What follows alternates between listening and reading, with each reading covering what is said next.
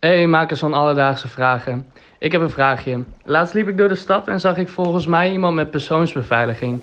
En toen vroeg ik me af hoeveel mensen in Nederland dat eigenlijk hebben. Alledaagse Vragen. NPO Radio 1. BNN Vara podcast. Met Merel Wielaert en Aaron de Jong.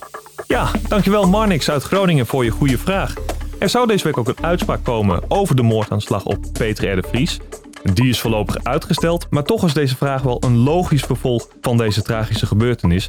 Want ja, we weten dat er heel veel gediscussieerd is over de beveiliging of het gebrek daaraan bij Peter R. Vries. En Merel, het gevoel bekruipt mij toch een beetje dat steeds meer mensen beveiligd moeten worden. Heb jij dat ook? Um, niet zozeer steeds meer, omdat ik er gewoon überhaupt niet echt een beeld bij heb. Wie hebben daar eigenlijk een beeld van? Is de, houdt de politie dat bij? Nou, een instantie die dat in de gaten houdt, dat is de Nationaal Coördinator Terrorismebestrijding en Veiligheid. En die geven samen met de officier van justitie opdracht aan de politie om iemand te beveiligen. En dus om een antwoord op deze vraag te krijgen, bel ik ook met de politie. Um, ik sprak met politiewoordvoerder Dennis Janus en hij weet hoeveel mensen persoonlijk worden beveiligd.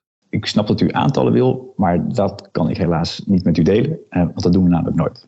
Dat doen ze nooit. Dat zie je dan heel erg op, hè? Ja, dus aantallen willen ze niet geven. Waarom niet? Nou, dat heeft te maken met het feit dat we het niet helemaal integer vinden aan de te beveiligen personen die wij, uh, die wij uh, ja, beveiligen. Maar ook het heeft met veiligheidsredenen te maken.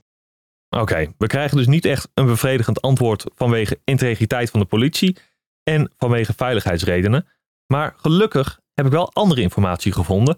Twee maanden geleden verscheen er een artikel in de Volkskrant uh, met het antwoord. Bij hoge uitzondering uh, vertelde de directeur beveiliging bij de politie dat op dit moment ongeveer 400 mensen persoonsbeveiliging hebben. En 80 daarvan die vallen in de hoogste twee categorieën.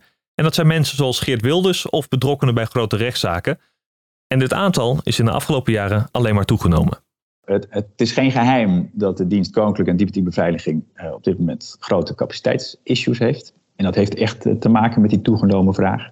Uh, eerst was het uh, voornamelijk leden van het Koninklijk Huis en hun gasten. En een bepaalde diplomaten die, die persoonsbeveiliging kregen.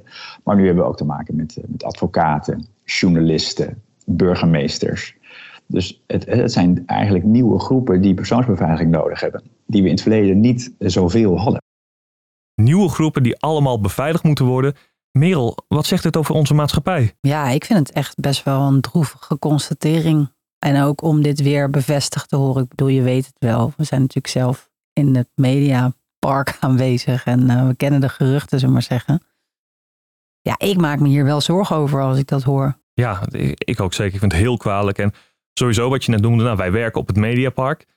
Nou ja, gewoon dat je sinds een aantal maanden eh, regelmatig hier gewoon politieauto's ziet staan. Ja, dat. En dat je ook gewoon wel ziet dat mensen steeds meer ja, boos zijn en deze kant op komen. Goed, dat mag allemaal. Je mag je mening in een zekere mate uiten natuurlijk.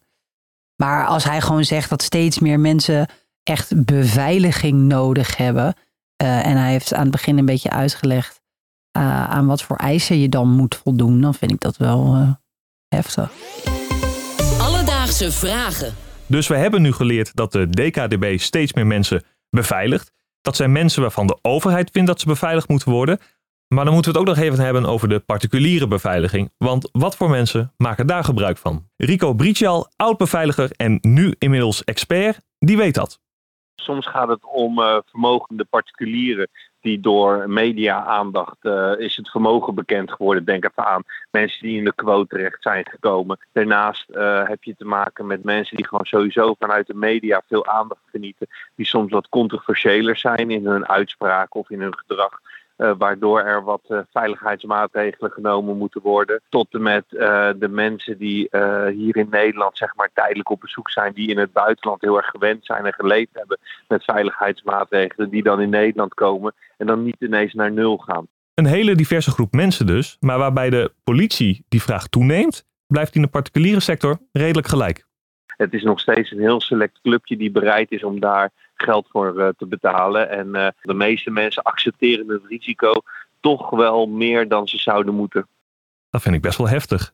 Wat vind je heftig? Nou, dat mensen het risico meer accepteren dan ze moeten, als wat hij zegt. Dus... Het is fucking duur om particulier Klopt. je te laten beveiligen, toch? Ja, ik heb het eventjes gevraagd. En hij zei wanneer je echt, nou ja, ehm, persoonsbeveiliging echt real-time nodig hebt. Nou, dan gaat dat duizenden euro's per dag kosten. Ja. Nou ja, dan begrijp ik wel dat je soms misschien de risicoanalyse maakt van... meh. Suffering from success, zeggen Ja. we dan maar.